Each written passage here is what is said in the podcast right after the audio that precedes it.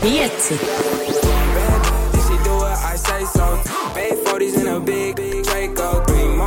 Uzgriez un ir. Labrīt, Rīga, labrīt, Latvija, labrīt, pasaulē, labrīt, Inesē. Labrīt, Tom! Nē, nu vispār ūdeni nav un pat piecelties nejaudā. Ne? Ļaudis. Ne. Stāsti, Nē, nē, viss, ā, viss bija savādāk. Es tavā vietā būtu rīktīgi dusmīgs. Ines man 5, 5 minūtēs atrakstā, uh, es atļaušos citēt pilnīgi precīzi. 5 un 12 minūtes. 11 minūtēs. Ines apraksta, tom tu augšā, labrīt. Un es jau kādu laiciņu ņemos, bet es tā domāju, Ines būs no mājām, jo tas ir pēdējais, ko es esmu no viņas saņēmis mirklī, kad pulkstenis ir 8 pār Kā Ines paliek mājās šorīt. Un uh, es domāju, Ines ir no mājām, lai tak viņa pačuči. Lai tak viņa pačuči, viss būs kārtībā. Tad Ines saka, nē, viss labi. Re, kur esmu modusies. Un bez maz vai gatava mani modināt, ja būtu tāda nepieciešamība. Bet nepieciešamība nav. Viss lēnām iet savu vajadzīgo gaitu. Jā. Un tad pēkšņi notiek kaut kas, ir man liekas, 24 pār 5. Notiek kaut kas negaidīts. Kam īsti, nu, nu, mēs par tādām lietām nerunājam. Kas, kas nu, vienmēr sakot, kaut kas ikrītā vajadzīgajā. Uh, Rutīnā nogāja greizi. noiet greizi, un tu saproti, nē, nebūs. Nav, ne, tas pirmais tramvajs, kas ir jānoķer, tas netiks noķerts. Līdz ar to, nu, skaidrs, brauks ar taksometru. Nu, ko tu tur uztraukties? Tiek sadarīts viss, lai tas, kas nogājis greizi, nu, nebūtu greizi. Pūkstens ir jau kāds 32 minūtes pāri pūksteni pieciem. Sāksim meklēt taksometrus. Un uh, mm, visi taksometri atrodas 15 minūšu attālumā no manis. Kas liekas, no, nu, tā, tā, tā, tā, tā nevar būt. Tā tā nevar būt. Nu, Man ienāca prātā, ka tu varēji varbūt to uh, skrējēji noķert, bet droši vien jau tev tur tūmā arī tādi nemaz nav. Es ne... pagājušajā nedēļā es uzzināju, ka eh, no fizioterapeita, ka esmu noņemts no velo sezonas līdz droši vien 21. gadam. Es stipri šaubos, ka, es, ka man vajadzētu braukt ar skrējēju. Ar vienu roku nevar. labi, labi.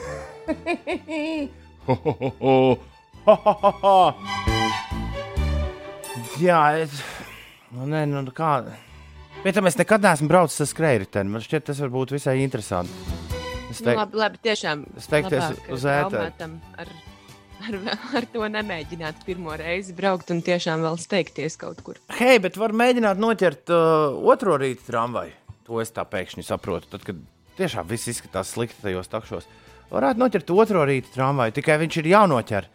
Un uh, es kādas 30 sekundes nokavēju, apmēram, lai būtu iekšā otrajā rīta tramvajā. Tad es, tad es būtu darījis tieši to pašu, ko es darīju tajā brīdī, kad es sāku skriet radio virzienā.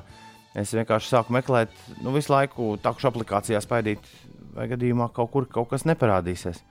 Un tad ar labu ziņu es kaut kādu pusotru kilometru tālāk jau pasūtīju iepriekš taksometru. Tagad es esmu šeit. Un tagad mums jārunā Ines divreiz ātrāk.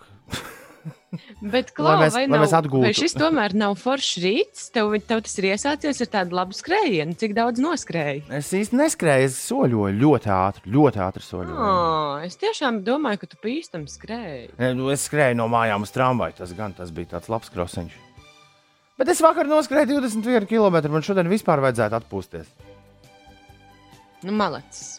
Uh, jebkurā gadījumā te nu mēs esam visi čuči pārējie. E, Un nav jau nekāds, nu, vismaz spriežot pēc mūsu izziņu mašīnas.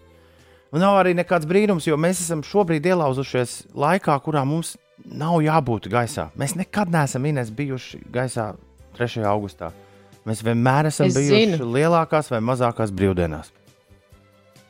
Es, eh, es par to aizdomājos, ka pēdējos trīs gadus man tieši šajos eh, datumos, 1. un 2. augustā, ģimenē ir eh, viena ir dzimšanas diena, vienam vārda diena. Un es atceros, ka es aptuveni pēdējos trīs vai pat četrus gadus neesmu šajos svētkos piedalījusies tikai tāpēc, ka esmu bijusi parasti kalnos. Un šis bija jā, pirmais gads, kad vakardienas vēl paspēju aizbraukt līdz laukiem un mazliet pasvinēt. Mm. Man šķiet, ka tu biji bērnu nometnē. Jā, bet bija tā, ka no rīta es biju Rīgā, tad es aizbraucu uz Bausku. Mazliet, uh, burtiski divas stundiņas padzīvojos pa lauku mājām, tad atbraucu atpakaļ uz Rīgu. Uh, līdz galam sagatavojos bērnu nometnē, un tad braucu uz Tūju. Tur es uh, jā, diezgan ilgi uh, stāstīju par saviem kalnu piedzīvojumiem un radio dzīvi bērnu nometnē. Ja mums ir kāds klausītājs, kurš organizē šo nometni, uh, Un, un jā, pēc pusnakts mazliet es atgriezos atpakaļ uh, Rīgā. Izklausās, ka džeziņam bija vakar nu, tāda kārtīga dieniņa. Jā, kārtīga braukšana mums sanāca. Bet vakardien bija tik skaists pilnmēnesis. Wow! Braucu un priecājos. À, tāpēc takšu nebija. es nezinu, varbūt. Klau, ko bērni vairāk gribēja zināt? Viņi gribēja zināt vairāk praktiskas lietas, vai tomēr uh, kaut kādas elpu aizraujošas piedzīvojumus? Vispār es ļoti nopriecājos. Es uh, biju nu, sagatavojusi dažas bildītas, mazliet no radio un mazliet no kalniem. Un, uh, es piedalījos arī tādā vakara aplī, kur bērni stāstīja par lietām, ko viņi ir darījuši dienas garumā. Viņi bija piedalījušies tādā diezgan brutālā pārgājienā, jo bija jālien pa džungļiem un, un jāpārvar eh, koki, krūmi un, un viss kaut kas. Un es domāju, ka viņi būs tik ļoti noguruši un ka nu, nemaz negribēsies eh, tik vēlu vakarā klausīties kaut kādos stāstos par radio eh, vai kalniem. Bet nē, beigu, beigās bija tā, ka es dažkārt likās, ka nevaru atkāpties no jautājumiem un nespēju atbildēt uz tiem. Tāpēc varbūt arī tā, tā mūsu saruna ievilkās tik ilgi. Uh, Jau tomēr man. Bet tu miksēji, tu miksēji kalnus ar radio. Nu, vairāk vai mazāk tā stāstījums bija par mani pašu, par to, kā es nonācu līdz radio un, un par to, ko es daru reizē ar radio. Tad nu, man nācās stāstīt arī par tiem kalniem. Jā. Jā. Bet nu skaidrs, ka tas stāsts bija garāks. Katrs no mums trījiem, kas ierasti ir dzirdama šeit, Latvijas Rādio 5,5 LV. Rīta stundās katrs no mums dara vēl visādas lietiņas ārpus rīta radio. Ines kāpj kalnos, Uldis spēlē trombonu. Oi, Ko tu dari? Es labāk nemaz nesākšu. Skaidīt. Ja godīgi 2020. gada augustā es vairs īsti nezinu, ko no tā, ko es daru, es daru, un kas no tā, ko es daru, ir atcelts. Jo Jo, jā, ir, ir vis visādi. Bet Lūdzu ir devies atvaļinājumā. Līdz ar to visu šīs nedēļas garumā kopā ar jums harmoniskie rīti ar to un Ines. Tā tagad tie sauksies. Viņi, un tie, un tie pārvērtīsies par muzikālajiem rītiem jau jaunadēļ, jo jaunadēļ arī Ines dodas atvaļinājumā. Tiesa, Jā. ja es visu sapratu pareizi, tavs atvaļinājums ir nedaudz apdraudēts. Vai arī, mm, vai arī tu esi. Viss vai arī tu esi pārliecības pilna uh, maršrutu pielāgot jebkādiem noteikumiem, kādi tie tajā brīdī Eiropā būs? Nē, šobrīd uh, viss ir simts reizes uh, pārdomāts un, un izdomāts uh, pilnīgi citādāk. Jā, mēs ar domu biedriem dažiem diviem bijām plānojuši doties uz, uh, uz Alpiem, uz Šveices, Itālijas robežu. Tur ir viena ļoti skaista uh, virsotne, uz kurā uzkāpt. Bijām jau izplānojuši to braucienu, bet burtiski pagājušajā piekdienā sapratām, ka, ne, aizpagājušajā piekdienā sapratām, ka dzeltenajā sarakstā ir ievietota Šveice un Austrija. Līdz ar to mēs jau lēnām sākām domāt, mazliet pārorientēties uh, Alpos citā virzienā uz Dolomītiem. Un tad sapratām, ka var taču izbraukt caur Austriju, ne, caur Ungāriju, Slovākiju un Sloveniju un iebraukt iekšā Alpos. Uh, Bet tad tur tā polija pa vidu. Mm, tāda aizdomīga šķita. Un tad, nu, šobrīd mēs esam atmetuši jebkādas cerības doties uz uh, Eiropas dienvidu galu. Bet uh, tagad ir radies jauns plāns braukt vēlreiz uz Somiju un pakāpt pa Somijas klintīm, vismaz Jēna kalniem. Wow! Pilnīgi uz otru pusi atkal. Jā. ceļot 2000, Bet, nu... būt alpīnismu turismā 2020. gadā. Kas var būt aizraujošāks par šo? Tu nekad nezini, uz kurien tu dosies. Tas nav galīgi aizraujoši. Es saprotu, es saprotu. Nu, Vistra, vistrakākais ir tie, nu, man liekas, vistrakāk ir tiem, kur tās par spīti izdomājuši. Ir, Nē, lai vai kā tur ar ierobežojumiem, es ar ģimeni aizbraukšu kaut kur atpūsties. Un tad, ja šis sākas, ja tev ir vēl mazi ķipari un, un, un daudz avio biļetes, un ja šis viss sākas, nu, tajā, tajā gadījumā man liekas, galīgi traki ir braukt ar, ar savu mašīnu un pēc iespējas vairāk izvairīties no kontakta ar cilvēkiem un kalnos palikt, nu, kalnos paliec tur, kur paliec savā teltī. Bet uh, arī, ja tu brauc tranzītā cauri dzeltenā saraksta valstīm, tāpat ir jāpaliek mājās 14 dienu karantīnā. Un, zin kā ir? Pat ja šobrīd varbūt tās valstis, teiksim, tā pati Polija ir Baltijā sarakstā, no, nu tad jau nav jau nekur garantija, ka pēc tās okay. nedēļas, ko es būšu nodzīvojusies kalnos, viņa aizvien būs tajā Baltijā sarakstā. Kas tas ir par sarakstu un kur mēs to visu, kur, kur visi to var ieraudzīt? Jo es pieļauju, ne visi zina, par ko tu šeit runā. À, tas ir uh, slimību un profilakses kontrolas centra saraksts, ko man liekas atjauno katru piekdienu. Bet kur ja viņam var tikt klāt? Bet, es viņu mājaslapā vienmēr apmaldos. Taisnība, es arī mēdzu apmaldīties. Varbūt vienkāršāk ir Google ierakstīt uh, nu, valstu sarakstus, kurām var šobrīd valstu braukt. Saraksts Bet, uh, bez karantīnas. Bet katrā ziņā šo sarakstu var atrast. Ja labi pameklē, var atrast slimību un profilakses kontrolas centra mājaslapā. Ai, viņi man prasa visu kaut ko atzīmēt. Un, valstu saraksti. Ja atgriezies, iebrauc. Valstu saraksts ar 14 dienu rādītājiem. Tas droši vien ir tas, kas vajadzīgs. Jā, jā. Un šobrīd. Ah, un tad ir saraksts sarkanās, uz kurām ni un ni. Nepakām. Uz kurām, jā. Tad tās ir Luksemburga, Luksemburga, Rumānija, Andorra, Spānija, Bulgārija, Beļģija, Zviedrija, Portugāla, Malta, Monako, Čehija un Horvātija. Tad ir... Jā, uz tām rekomendē nebraukt vispār. Jā, un... Tad ir Šveice, Austrija un Francija, uz kurām aicina izvērtēt braucienu nepieciešamību, bet kas pilnīgi noteikti būs, tad 14 dienas pēc tam būs jābūt mājas karantīnā cilvēkiem, kas atbrauc. Un tad ir normālā Eiropa. Un tad ir, eh, un tad ir jā, Baltā saraksta valstis, un te arī ir norādīts, Polija ir uzreiz nākamais svītras Oi. Eh, pēc, pēc dzeltenā saraksta. Nu, respektīvi, Polijā situācija var uh, krasi mainīties jebkurā dienā. Būtībā. Tas cipariņš, tas 15,7 ir vidējais, vidējais saslimušo skaits aizvadīto divu nedēļu laikā. Ja? Jeb tā īsti nav. Šķiet, ka Tā... Jā, bet tur bija uz tiem simt tūkstošiem iedzīvotāju ah, okay, to ciparu okay. rēķinājumu. Nu, pareizi, tas būtu tas būt tā loģiski. Man vienalga šķiet, ka Luksemburga nepamatot nu, tikai savu mazumiņu dēļ ir uh, ietrāpījusi šobrīd pirmajā vietā. Nu, mūsu braukšanas lietā. Uh, visas pārējās valstis, kas nav minētas tajā dokumentā, kur tiešām var atrast, tā kā Ines izstāstīja, visas tās uz tām vispār nedrīkst braukt. Nu, tā sanāk. Nu, piemēram, uz kurām? Nu, piemēram, Amerikas Savienotās valstis vai, vai Meksika. Nu, tiešām. es tikai gribēju braukt tom.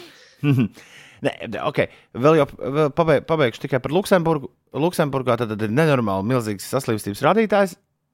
Es varu derēt, ka ja Vatikānā kaut viens gadījums uzrastos, viņi arī uzreiz būtu sarkanajā tabulā iekšā. Nu, droši vien, jā. Ir 6,36 minūtes. Labrīt, visapkārt! Ieskrienies, palicies, lido! Atspērienu punkts jaunajai mūzikai. Tramplīns. Ines, kas var būt labāks kā sākt jaunu nedēļu ar jaunu mūziku? Mums ir. Īstenībā tramplīns mums eh, kādu laiku nav bijis. Nav ne? bijis, nē, bet šīs nedēļas garumā būs. Un šonadēļ tramplīnā mēs klausīsimies reperi Goča. Uzmini, kāds Gočam ir īstais vārds. Gatis. Mm -hmm. Tas tiešām ir Gatis. Nē, nopietni. nopietni, nopietni. Gatis Orniņš. Viņš raksta rīmes kopš 12 gadu vecuma un uh, reperu Gustavo repertuāru un dziesmas Aka Hip, Aka Hop pavadīts. Viņš kļuvis par rap mūzikas fanu uz mūžu.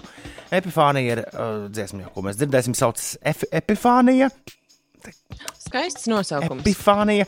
Tā ir repera Goča tramplīnētā dziesma, ko pats mākslinieks sarakstījis laikā, kad bija iedzīvojies pienākumos un atbildībās, no kā nespēja rast brīvu brīdi nec sev, nec apkārtējiem. Un to apjaušot, viņš piestāja ceļmalā, kur 20 minūšu laikā sarakstīja dziesmas pirmo pantu. Tālāk. Ļoti interesanti. Goča un Epifānija. Kas jāddzird Latvijas mūzikā? 5 LV iesaka Tramplīns. Cauri visai šai nedēļai, 5 LV ēterā mēs klausīsimies šo jauno uh, censoni. Un kas par trompetes samplu? Aiziet! Un nav jau svarīgi, uz kuru pusi iet. Svarīgi, kur katrs kāju liek, var vienu kāju ņemt. Iegrimt zemē, ar otru atspērties. Un uz zvaigznēm tēmēt, var neskriet nekur. Un palikt tepat, ja liekas, ka ir atrasts pietiekoši liels plats. Kā zinkārīgs tips, kas uz blēņām ir likts, gribu saprast, cik tā tālu es vispār varu tikt. Nu, re. Šo repu klausīsimies cauri visai nedēļai. Un to jūs dzirdēsiet arī citos Latvijas radio 5,5 LV raidījumos. Goča un Epifānija šonadēļ tramplīnā. Dzirdi, kā atspēras Latvijas jaunā mūzika - Tramplīns. Tā ir 6,42 un ir 11 sekundes, ne- 13 sekundes. Nevar saskatīt, palikušas uh, Dallas Mavericks un Phoenixes Suns spēlē. Porziņam ir jāmēģina atgūt, uh, atgūt neatgūtais. Uh, un viņš tieši to porzē met trīnīti, Ines, un tā īsa sekundes pirms beigām aizmet garām. Nu, Ai, Johaidī! Tieši, tie, tieši to manu Johaidī arī varēja nu pat redzēt Kristapa sejā. Žēl, ka tu neesi Ines šeit klāt, tad mēs abi divi paskatītos pēdējās hok hokeja, ne, bet basketbola sekundes, es ko- uh, sekoju līdzi spēlei. kuras šobrīd Disneja um, pasaulē notiek. Bet neskatoties nu, uz šo nerealizēto iespēju, Kristaps tāpat ir eh, diezgan daudz punktu guvis šajā spēlē. Vesels 30. Āreče. Jā, nu, tiesa Luka Dončičs 40. Bet, bet tāpat. Nu, Vai šito pēdējo trīnīti? Nu, Ah, To nu gan To. vajadzēja iemest. Nu, labi, labi. Ir kaut kādas bišķi, laikam, trīs sekundes palikušas. Tagad visi ļoti tiesa, apspriežas. jā. Un vēl skatās, vai nav kaut kāds uh, pārkāpums bijis. Kā tu domā, ko viņi runā šobrīd? Tā, Kristap, tu tagad pie bumbas klāt neskaries. Tev bija iespēja palaid garām. Nē, nē, tagad, uh, tagad klausās austiņās kaut ko tie tur tiesneši. Jo viņi grib saprast, kas nu būs. Ir 6,43. Today very lucky. Congratulations me! Yay! Tas gods ir tas pats, kas bija fabrikā, ne talanta, bet parastajā. Vai arī zēns paņēma pseidonīmu, nepapētījis dziļāk. Prasa krapas Reinis. Labrīt, Reini! Bet pārmaiņas pēc nesot kauns klausīties. Tāpēc jau Reini arī mēs ielikām goču tramplīnā. Bet, protams, ka tas ir cits gočs nekā tas, kur tu vienīgais atceries. Tu pirmo fabriku atceries, Ines? Pi pirms nē. mūzikas. Es Tā bija arī fabrika, kurā Jā. neražoja mūziķus. Jā, jā, bija. bija. Ko Es- tad ar viņiem? es- Ko tad viņi darīja? Man liekas, ka es Barbarosu krapas reini labāk atceros nekā to bez mūzikas. Nu, Ko, ko darīja? Slīmēs sēdēja visi istabā, no kuras, viņu, no kuras nelaida viņus ārā. Kļuva slaveni lēnām. Pa nakti pamēģinājās netīšām tur kāds. Tad, o, tu to varēji rādīt veselu nedēļu un apspriest sabiedrību. jā, jā. Labrīt! Šodien lielākoties mākoņains, bet vietām debesis arī skaidrosies. Galvenokārt rietumu un centrālajos rajonos brīžiem lietus. Pūtīs lēns vējš, gaisa temperatūra 21, 26, vietām piekrastē plus 19, plus 21. Rīgā priekšpusdienā un vēlāk vakarā nelielas lietus, un gaisa temperatūra plus 22, plus 24. Šādi ziņo Latvijas vidas geoloģijas un meteoroloģijas centrs šajā rītā. Un šīs nedēļas pirmajā pusē daudz mākoņu un lietus, pēc tam anticiklons. Un uh, meteo vīrs atmeteo ziņas Twitterī saka, ka tiek uh, prognozēts īsts skaistulis uh, anticiklona. Uh, anticiklona apstākļos arī daži gubu mākoņi var izaugt līdz lietus stadijai, un gaisa temperatūra droši vien nepārsniegs plus 30 grādus. Mūsu galvaspilsēta, no kuras mēs raidām, tā mēs ar vienmēr tā īpaši paskatāmies, kas mums tur gaidāms.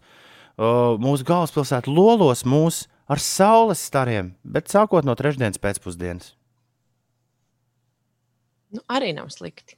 Tagad bišķi šodien un rīt.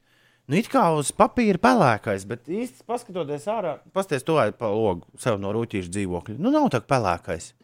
Uz to ķieģeļu sienu. Uh, jā, varbūt krāsa šķiet tāda mazliet siltākas gaismas. es jau tā domāju. Kamēr es stāstīju par laiku, ir noslēdzies basketbols ar kādu rezultātu. Ines?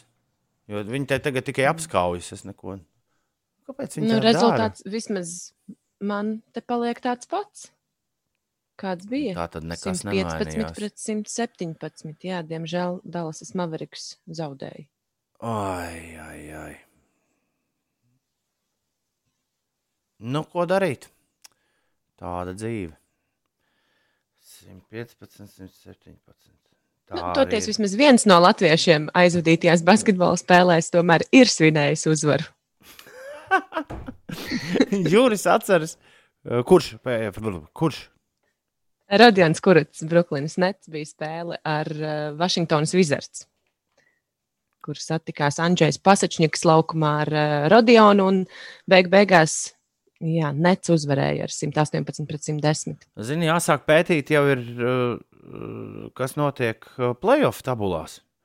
Jo, nu, jā, mums jau svarīgi. Nekas nav vēl garantēts, bet Brooklynas nets ar šo uzvaru ir uh, iekšā, iekšā šobrīd. Jā, playoff zonā savukārt viņi tieši vizardus ir izsituši. Mm -hmm. Mums vajadzētu, lai viņi pa abiem diviem kopā tomēr to Orlando Magic pieveic. Bet viņiem ir astoņas šīs uh, seeding games. Tās saucamās, tagad beidzot tabulā, var tā vairāk saprast, ja atver Naci- Nacionālās basketbola asociācijas tabulu. Tur uh, vairāk, labāk redzams. Tad Orlando Magic vienīgi ir sākuši ar divām uzvarām uh, šo uh, pēdējo astoņu spēļu izspēli. Vizardiem līdz ar to divas uh, zaudas. Savukārt netiem pirmā spēle bija zaudēta, šodien uzvara. Un uh, Maverikiem bija pat pirmā spēle nu, šajā astotniekā šodien. Jā, Tā kā nu, tur ir jautājums par to, kur viņiem, kur viņiem pozīcija sanāks un pret ko līdz ar to viņi spēlēs. Jo šobrīd pret Maveriks ir nāktu Los Angeles Clippers, kur pēdējā laikā spēlē dikti labi. Uh, Tālāk, tādas ziņas no basketbola pasaules. Jūris, uh, tikmēr klausītāji grib runāt nevis par basketbolu, Ines, bet par, par realitātes šoviem. Jūris raksta, ka vēl bija tāds realitātes šovs bārs. kas, kas tas tāds? Es neatceros realitātes šovu bārs, bet es iedomājos, Ines, ka tu- viss, kas tev ir šovā, ir bāra lete. Un turpat tev gan jāguļ, gan jāmostas, gan jāēd brokastis, pusdienas vakariņas. Tikai bārmeņi varētu mainīties visādi slavēni. Es tādu neatceros. Ines, tu pastāstīsi arī uzreiz, kas notiek? O, jā, šo to Jo es varu pastāstīt. skatos, skatos pulkstenī. Tā galīgi nebūtu slikta ideja, ja tu tā izdarītu. Ir 6,49, ir pirmdiena, 3. augusts. Labrīt! Ines, kas notiek? Jā, ir ne tikai sācies basketbols, bet arī Nacionālajā hokeja līgā spēles rīta pilnā spārā. Jau 1. augustā notika Pitsburgas Penguins un Monreāls Canadiens spēle. Diemžēl šo spēli Pitsburgieši zaudēja ar rezultātu 2-3. Teodors Bjugers gan šajā spēlē diezgan ilgu laiku pavadīja laukumā, vairāk nekā 17 minūtes. Un bija arī um, kvalifikācijas raundu teicami izdevās eh, aizvadīt Kolumbusas Blue Jackets eh, vienībai. Tiesa, Elvis Merzlikins palika šajā spēlē uz, eh, uz rezervistu soliņa, bet Blue Jackets ar rezultātu 2-0 apspēlēja Toronto Maple Leafs spēlētājus. Somu vārdsargs Jonas Korpisālo aizvadīja, aiz, atvairīja visus 28 pretinieku metienus, nodrošinot komandas vēsturiski pirmo uzvaru Stanley Kausa izcīņā. Vēl par notikumiem pašmājās. Šodien plānots sākt eh, siltumtrašu rekonstrukcijas projektu dubultos un kauguros. Tā kā vietējie iedzīvotāji ņemiet eh, vērā to, eh, Šie remonta darbi ilgs līdz pat oktobrim. Un par tādām tālākām vēstījumiem ASV Nacionālās aeronautikas un kosmosa pārvaldes astronautikas māja nogalē ar privātā uzņēmuma SpaceX kosmosa kuģi tika nogādāti kosmo, starptautiskajā kosmosa stacijā. Svētdien kapsulā ir atgriezušies no vēsturiskās misijas atpakaļ, nolaižoties Meksikas līcī. Kāpēc to nekad netranslē televizorā? es nezinu. Tas ir pārāk bīstams tas... pasākums. Tur viss uztrauc. Tas nav jautājums man. Es tev nevarēšu atbildēt. Baisi. Būtu Uldis. Varbūt viņš, varbūt viņš zinātu atbildi šo. Ja mēs kādreiz intervēsim kosmonautu, tad pirmais jautājums, ko mēs viņam jautāsim, ir, kas ir drošāk un, un, un patīkamāk? Uzbraukt augšā vai nākt lejā? Vai nolaisties? Jo man liekas, ka tā lejā nākšana ir, cik nu filmās redzēts, riktīgs.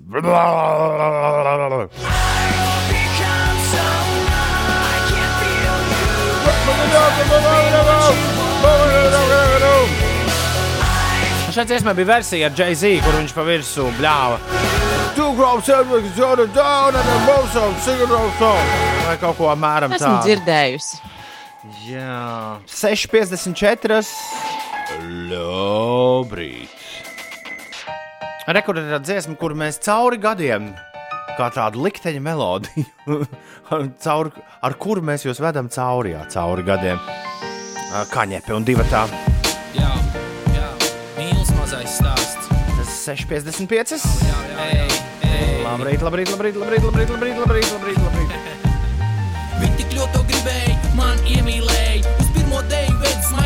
Laimīgi sevim citēju. Es tik ļoti to gribēju, un viņi iemīlēja. Uz lietām skatos nopietnāk, bet senāk par to smēju. Kaņepe un 2,6 un 57 minūtēs es bijuši tur savos likteņu pantos sapinos pirms šīs dziesmas, bet ņemiet par labu. Galu galā ir pirmdienas rīts. Var jebkuru ne, jebkur nebūšanu norakstīt tikai uz šo vienu faktu. Un Ines vēl teica, ka esat skaists pilnvērnes, tā kā o, saliekam šo kopā. Riktīgi labi, viss darbojas. Jā, kaut kā klausītājiem izziņās ir aizgājusi tēma par veciem realitātes šoviem. Labs jautājums ja? būtu arī, vai jūs vēlaties viņus atgriezt atpakaļ, vai būtu interesanti viņus paskatīties tagad. Bet uh, realitātes šovs bārs esot bijis Ines, tāds, kur ir šancējuši dalīb, dalībnieki bārā, kas bija dislocēts. Kraps Reinis raksta, ka ūdens atrakcija parkā Nemo. Savukārt Sandrs raksta, ka tas notika vienā no slaveniem vecrīgas krogiem. Izklausās, ka šim šovam pat bija divas sezonas. Ļoti dažādas versijas. nē, nē, izklausās, ka pat bija divas sezonas. Kraps Reinis skatījās vienu, Sandrs skatījās otru. Vēl Mārim vajag, Mārs pieminēja seriālu Robinsonu. Tas arī bija realitātes šovs. Ja? Arī realitātes šovs. Tur laikam bija jā, jādzīvo viensētā, ja nemaldos. Bet pagaidi, vai tad šobrīd arī nenotiek kaut kāda realitātes šovi? Mm. 2020. 20. gadā, pandēmijas laikā, tiešām realitātes šovi. Es nezinu, tā lauku sēta vai kā to sauc.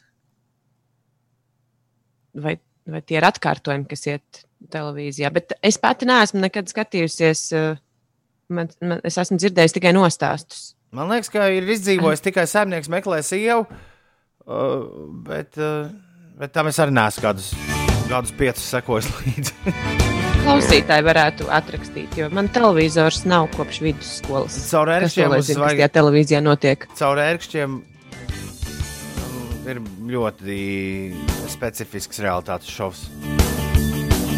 Robinsona bija uz salas vienu sezonu Igaunijā, vēl dažas Malaisijā vai tam līdzīgi. Lieliski! Reinis strīdās par bāru. Viņš saka, tas vecrīgs varētu būt bijis kaut kas cits, bet Juris raksta, ka nē, kungu ielā notika filmēšana vecrīgā. Lauks ēta jau ir uzfilmēta jaunajai sezonai, raksta Zanda. Tas labi, ka jūs esat lietpratēji šajos jautājumos. Rakstiet vēl 293, 202, 293, 202. Ir pirmdiena, 3. augusts. Visi ir atvaļinājumā, izņemot tos, kuri nav atvaļinājumā. Viņu starpā Toms Grēviņš, Ines Pučeka un arī jūs, kas esat šobrīd pie radioaparātiem. Ar jums kopā Latvijas Radio 5,5 LV. Šis ir Radījums 5 ir rītī. Es esmu Toms Grēviņš, kur Inês Pučeka, kur bērni atpazīst. Jā, izrādās. Labrīt. Uh, Jā, nometnē, kurā es vakardien biju, eh, daži bērni zināja, ka es esmu no radio. Un eh, daži bērni arī jā, zināja, piecus rītus teica, ka klausoties. Kā tas notika? Kā tu saprati, ka viņi tā kā zina, kas tu tāda esi? Ja tu prasīji, sakiet, vai jūs kādreiz esat dzirdējuši manu balsi? Klusums. Nē, kurš tā teiktu? es smējos. Bet, uh, ne, ne, nopietni, kā mm, Ines ir reizi ļoti priecājas, kad uh, uzzina, ka šo raidījumu klausās vairāk par uh, 25 cil- cilvēkiem. ne. Mēs uh, katrs noteikti priecājamies, ne jau tikai es. Bet uh, vakar man bija līdzi sagatavotas dažas bildītas, nu, tā lai nav tikai, ka es runāju, bet lai man ir arī ko parādīt. Un tad man bija bildes no šādas tādas bildītas no radio, kur mūs visus trīs var redzēt. Aha. Bērni teica, ka, jā, nu, būtībā pirms es tās bildes biju parādījusi, daži saprata, ka es esmu no radio, bet, uh, bet, bet, bet Kā tas notika? Kā, kā tas, kāda, kāda Kā- bija viņa reakcija? Nu, kāda bija viņa reakcija? Oh, Oh, nu, viņi kur- teica, ka Meitene- viņi man ir šur tur Oh. redzējuši vai dzirdējuši. Mm, skaidrs. Tā tā meitene, kas vienmēr Bet, um, intervijās sēž blakus. joks, joks, jo- joks, joks, joks, joks. Ko tu gribēji teikt? Bet uh, man ļoti patika tā vakardienas uh, nometne. Es biju pati diezgan pārsteigta par to, ka bērni man uzdeva tik daudz jautājumus. Zini, kā citreiz ir tā, ka tu runā, runā, un tev liekas, ka tu runā pats ar sevi un sev, un ka Un tad visi tas jau ir ne- zaudējuši interesi. Jā, un pašā beigās tas neveikls mirklis, un varbūt kādam ir kāds jautājums, un tad ir klusums.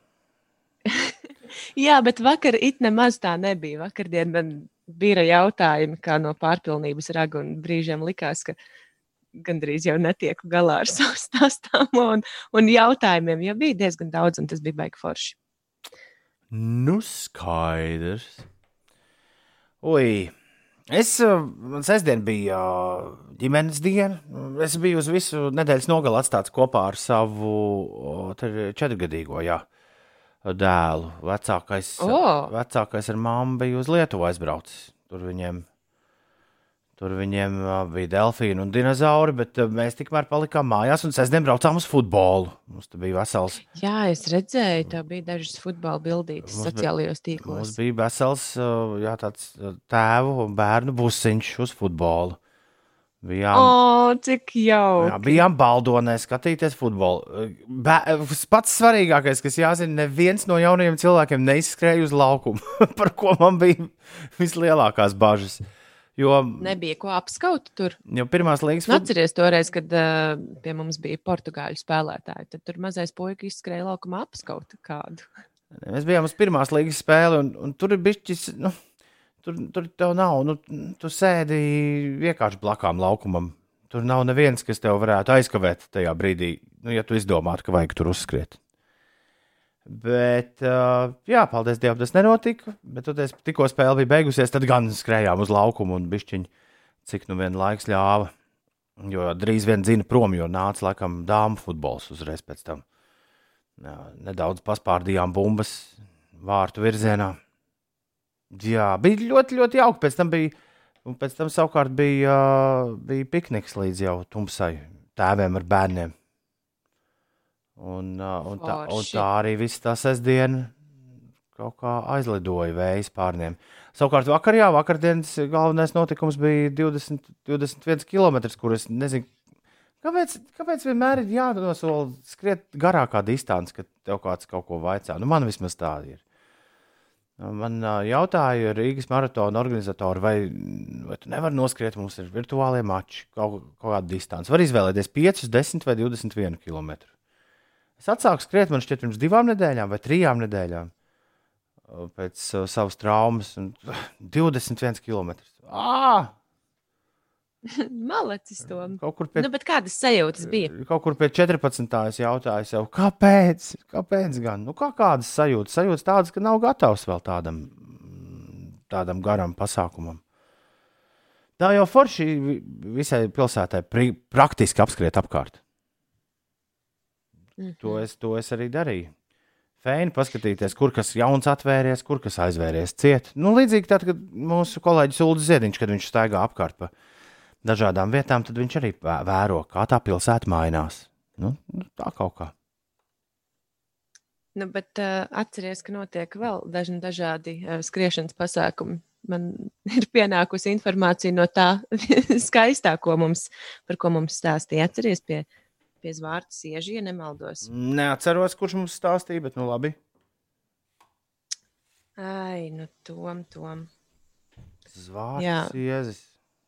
Nu, tu taču brauc tagad prom, mums nav laika skriet nekur.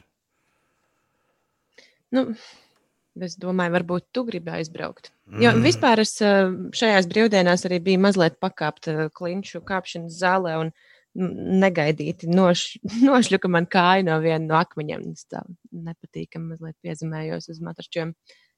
Tā kā es gan jau tāpat baigās skrējēji nebūtu. Ai. Cik liela tā ziepa būs?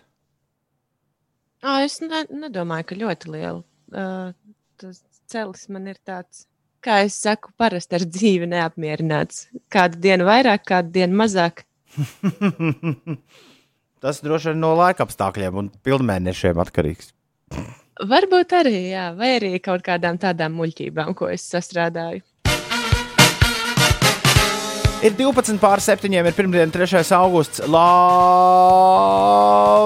visapkārt! Nu tad, lai visiem viss iet uz priekšu! Nu, tā blēzīs augšā. Labrīt! Cēlies augšā. Jauna nedēļa ir klāta, jauns mēnesis ir klāts. Mēs atvadījāmies jūlijā, tagad jau ir augusts. Mūsu Rīga Latvijā! 3. augusts. Kāpēc viņam nav 1. augustā, augustam vārdiena? Es arī nesaprotu. Ielikuši tā, lai darba, lai darba dienā tieši būtu. Šodien. Nabaga augusts. Ak, tu mīļais augustiņ, augustiņ, augustiņ. Augustam ir dzimšanas diena. Mēs viņam Nē, protams, vārda diena. Tas ir vārda diena, jā. Sveiciens vārda dienā. Es tad interesanti, es pēc tam, ja tu nebūtu man izlabojis, pēc tam pārējos sveiktu vārda dienās. Nezinu. Dažreiz nekas nepārsteidz man vairāk kā es pats sevi. Tā, augustam ir vārda diena. Mārim Mihelsonam, prāta vētras taustiņniekam ir dzimšanas diena. Daudz laimes, Māri! Hokejistam Sandim Ozoliņam ir dzimšanas diena. Latviešu mūziķim Guntim Veitam daudz laimes. Fredo. Rodrigo Laviņam, hokejistam daudz laimes. Un pats, kas sadzimuši tajā 3. augustā hokejisti, Mārim Bičevskim arī ir dzimšanas diena. Hokejistam. Jā, īsti hokeja diena. Rīktīgs hokeja datums. Daudz laimes dzimšanas dienā Džekam, kurš ar noteikti kādreiz hokeju ir uzspēlējis Mārtiņš Šīns, amerikāņu aktieris, svin dzimšanas dienu. Tonijam Benetam, leģendārajam krūnerim no Amerikas Savienotajām valstīm dzimšanas diena, amerikāņu dziedātājiem. Un ģitāristam Metālikas Džeimsam Hetfieldam arī dzimšanas diena. Un Viņš ir arī solists, vai tad ne? Jā, jā, jā. Tas tur, kurš vienmēr dzied metālikas visus grāvējus. Un Džeimsam Hetfieldam Jā, jā, daudz laimes. Evanģelīnai Lilijai šodien dzimšanas diena. Kanādiešu Jā, un tā, ap aktrise. citu, ir aktrise no uh, seriāla Lost. Pazudušie. O, o, Viņa ir aziātiskas izcelsmes, ne? Varbūt tāda mazliet, jā. Es mēģinu atcerēties, kur, Meklē bildi. kur tā bija. Ne, tu, tūlīt atradīšu, tūlīt atradīšu. Jā, kamēr tu meklē evanģelīnas uh, bildi, es apsveikšu mūsu bijušo kolēģi Jāni Kropu dzimšanas dienā un sveiciens arī Uģim Bērziņam. Dzimšanas dienā. Aziāta tajā seriālā bija cita. Viņa bija Keita. Viņa ir sliktā meitene, Lostā. Viņa ir, mm. -hmm. viņu ved roku dzelžos ā, apcietinājumā, tajā lidmašīnā, kas avarē uz salas. Un tad viņa nevienam nestāsta. Viņa ar laiku uzzina, ka viņa tur ir tā ļaunā, sliktā meitene. Bet vienam no galvenajiem varoņiem viņa izrādās femme fatāla, lost. Televīzijas zelta laikmets jau ilgst simt gadu, bet vienalga nekas nav nofilmēts labāks par šo. apmēram tā. Apmēram tā. Es, es kaut kad ķeršos, tāpēc ka tagad viņš ir pieejams vienā no mūsu straumēšanas servisiem. Es kaut kad šim ķeršos klāt vēlreiz. Bet tiešām ir vērts viņu skatīties. Es esmu redzējis tikai dažas sērijas, un mani Viņš ir neieinteresēja Tā nemaz. kā es salīdzinātu tā ar, ar jogu, jā, Meditēšana. Ar jogu? Ar meditēšanu. Tā ir tāda losta, ir meditācija. Jo, nu, tiem, kas to saprata, viņš dikti patika. Tiem, kas to nesaprata, sākot no 4. sērijas, sāk, tas ir sezonas, sāka bļaut. Ej, kas tas ir par sviestu? Es domāju, ka es skatos normālu seriālu, kurā viss notiek. Nu, tā kā seriālos, tur ir kaut kāds atrisinājums tam visam. Tur tikai sviests aizvien lielāks iet vaļā. Meditācija. drīzāk plānoju ieturēt nelielu detoksu uh, kūru TV no detoks. Māci, tu varētu sākt ar mācību gadu, jau no mācību gada. No, no 1. septembra paskatīsimies, cik ilgi tu izturēsi. Es, es būtu ļoti priecīgs, ja tu pieņemtu šādu izaicinājumu. Un tad mēs uh, rubrikā skatās TV, te varētu kārdināt katru nedēļu. ar visādiem Es īstenībā jau jaunumiem. tāpat mūsu TV rubrikā neesmu izcēlusies ar neko jaunu. Es sāku skatīties īstenībā mm, How to Sell Drugs Online Fest oh. uh, otro sezonu. Bet tā kā tu rīt par to stāstīsi, nu, Ja? jā. Jā, labi. Jā, skatās TV rubrikā, tad varbūt, varbūt tagad ne. Varbūt ne. Uh, Gribu apsveikt savu mazo augustiņu vārdu dienā, raksta Matīs, lai viņam jauka diena Madlienas bērnu dārzā. Jauka diena, Augustiņa! Uh, Edgars Siguldā ir tikai mūsdienās sācis skatīties Lost. Viņš ir ticis galā ar pirmajām divām Lost sezonām, viņam patīk. Un uh, Dzinters saka, ka viņš nesen noskatījās uh, Lost. Agrāk bija tikai divas sezonas redzētas, un ir vērts noskatīties. Nu, es priecājos. Ah, jau, jau sākat kārdināt. Nu, kā tu taču zini, Ines, tur avarējas lidmašīna un nevēl nevar saprast, kas notiek. Nu, tik daudz, jā, es zinu. Es īstenībā tās dažas sērijas skatījos tikai tāpēc, ka universitātes laikā uh, es skatījos arī vampīru dienas grāmatas, un tur bija tas smukais aktieris Jans Samerhalders. Mm, mm, mm. Ko viņš spēlēja Lostā? Jans Samerhaukers. Neatceros, ko viņš tur spēlēja. Man, sērijās man neviens no tiem Losta tēliem nesaistās ar viņu aktieru vārdiem. Ir, uh, Tas varbūt nav nemaz tik būtiski. Tā kā šī raidījuma producents ir devies uh, atvaļinājumā, tad uh, man bišķiņi ir tagad visi producentu pienākumi. Un, ja nemaldos, tad rīt mēs saziņosimies ar kreiso krastu Ines uh, Zoom čatā. O, kāds pārsteigums. Mm -hmm. Viņiem ir jauns gabals. Vēl viens jaunāks gabals par šo, bet to mēs klausīsimies rīt no rīta. Kreisais krasts un krasta FM 7,25. Ines pastāsti, kas notiek? Vispirms ar laika apstākļiem sākuši. Latvijā šodien būs daudz mākoņu un gaisa temperatūra pakāpsies līdz plus 19, plus 23 grādu atzīmē. Bet Latvijā gan ir gaidāms saulaināks laiks, un tur arī mazliet siltāks, plus 25 grādi. Sinoptiķi prognozē, ka vietām līs, galvenokārt gaidāms neliels un īslaicīgs lietus vējš, pārsvarā saglabāsies lēns. Rīgā gaidāms mākoņains laiks, arī šeit iespējams īslaicīgs lietus un pūšot lēnam dienvidu, dienvidrietumu vējam, gaiss iesils līdz plus 22 grādu atzīmē. Šorīt noslēdzās Nacionālās basketbola asociācijas spēle starp eh, Dallasas Mavericks un Phoenixas Suns spēlētājiem. Diemžēl Kristapa Porziņa pārstāvētā komanda ar rezultātu 115 pret 117 dau, eh, zaudēja Suns eh, basketbolistiem, bet Porziņš šajā spēlē guva veselus 30 eh, punktus.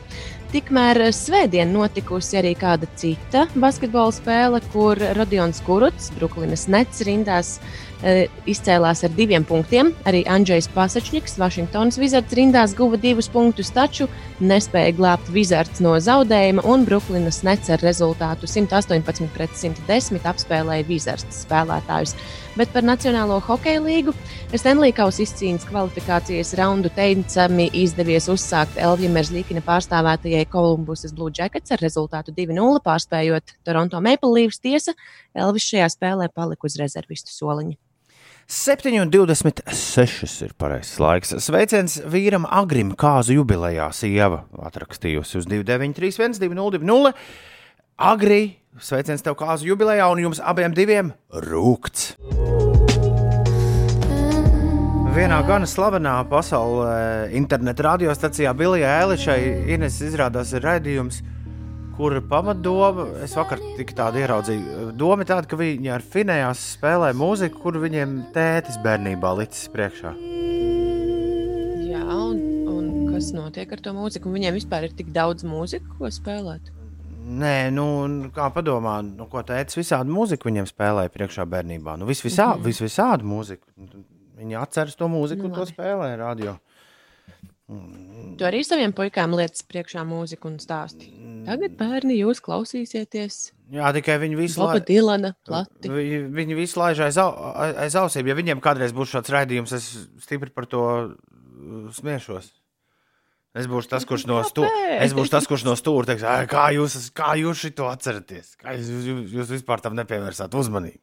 Bet tā tas ir. Tev šķiet, ka bērni ne, nepievērš. Bieži vien ir tā, ka tev šķiet, ka viņiem viss mm, tik gar ausīm, gar acīm. Un tad pēkšņi viņi sāk visādas detaļas atcerēties.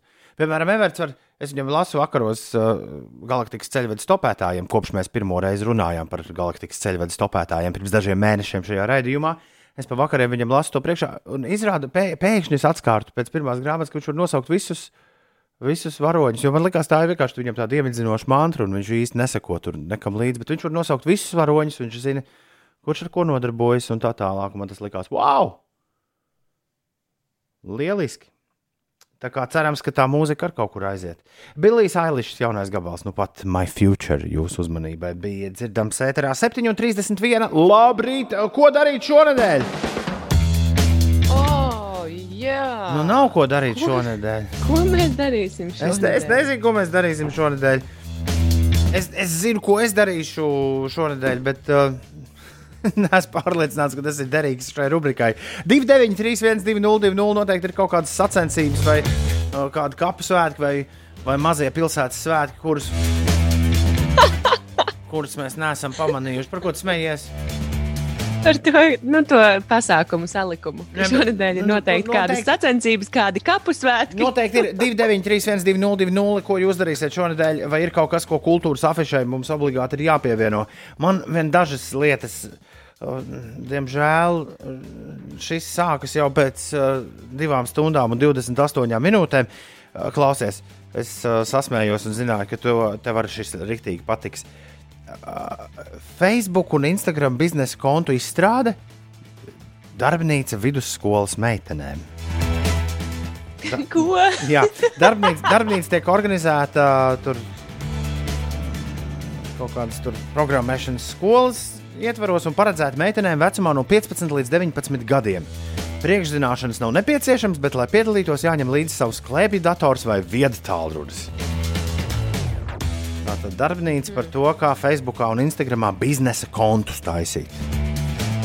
Bet jā, tas ir tūlīt, desmitos no rīta. Festivāls komēta.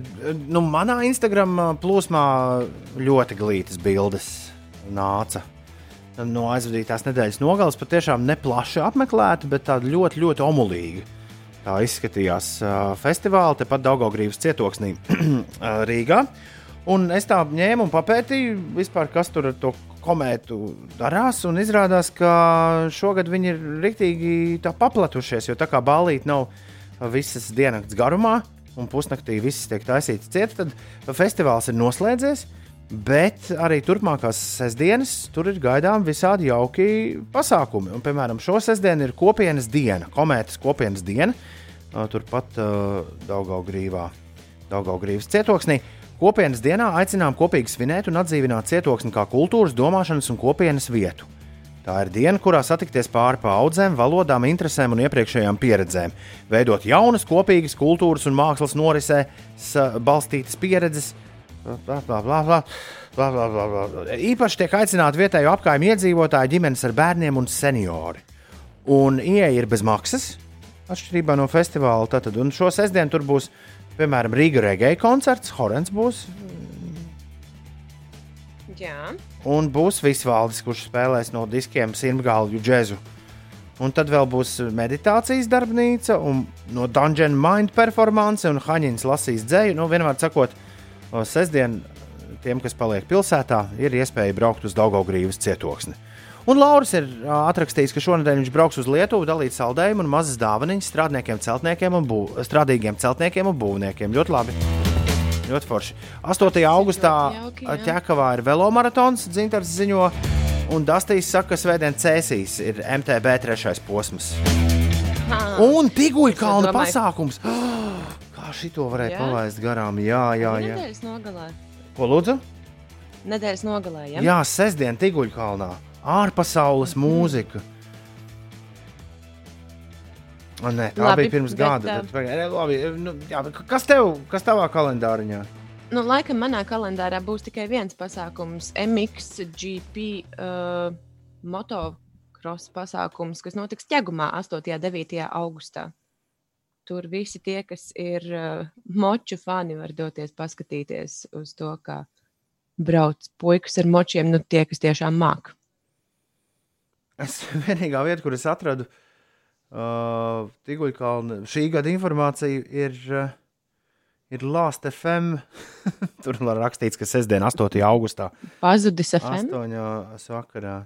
Smējies vien, cik vēlies. Bet, eh, nu, ja arī klausītāji raksta, tā arī būs. Forši. Raimonda Tigula ikgadējais koncerts. Tiguļa kalnā tātad šo sestdienu. 3, 4, 5, 6, 7, 8. O, un Saulrietu koncerts būs 5. augustā, kur būs pirmais kurs, translēters un Bermudu divstūris. Šis arī izklausās pēc plāna, Ines. Toms tā raksta. Jā, Kur tādu, kur tādu saulrietu koncertu notiek, Tom? 7,36. Vēl, iedomājieties, ja būtu Ines pirmais kurs, translēters Bermudu divstūrs un vēl Singapūras satīns. Bet vispār es esmu pamanījis, ka tagad notiek diezgan daudz brīvdabas koncerti, un ir uh, arī citi ezeri pārņēmuši kāla ezera tradīciju, kad tiek rīkoti uh, koncerti uz ezera. Un es skatos, ka arī šo sestdienu jā, būs festivāls Laivā. Latvijas etnogrāfiskais brīvdabas muzejs tā O! ir vieta, kur tas notiks. Un tur būs tautu meitas un gamba. Un izskatās, ka Jūglas ezerā būs uh, varan muzikāls vakars. Lieliski! Un uh, ja saulrietu koncerts notiek Mārupē, savukārt uh, piebalgā sestdien ir interbusuļu koncerts. Nu, tagad gan mēs rīktīgi zinām, ko darīt šonadēļ. Un pirms smieklības Singapūras satīna pieminēja, tāpēc, ka nu, jā, tagad viena piededzināšana. Masas, klausieties mani! Klausāmies, klausāmies! Masas, klausieties! No rīta, vakarā, pa dienu, pa nakti klausāmies. Singapūras satīns. Piededzini man 7,41 minūtē. Pirms uh, nedēļas ar kapekām mums bija festivāls.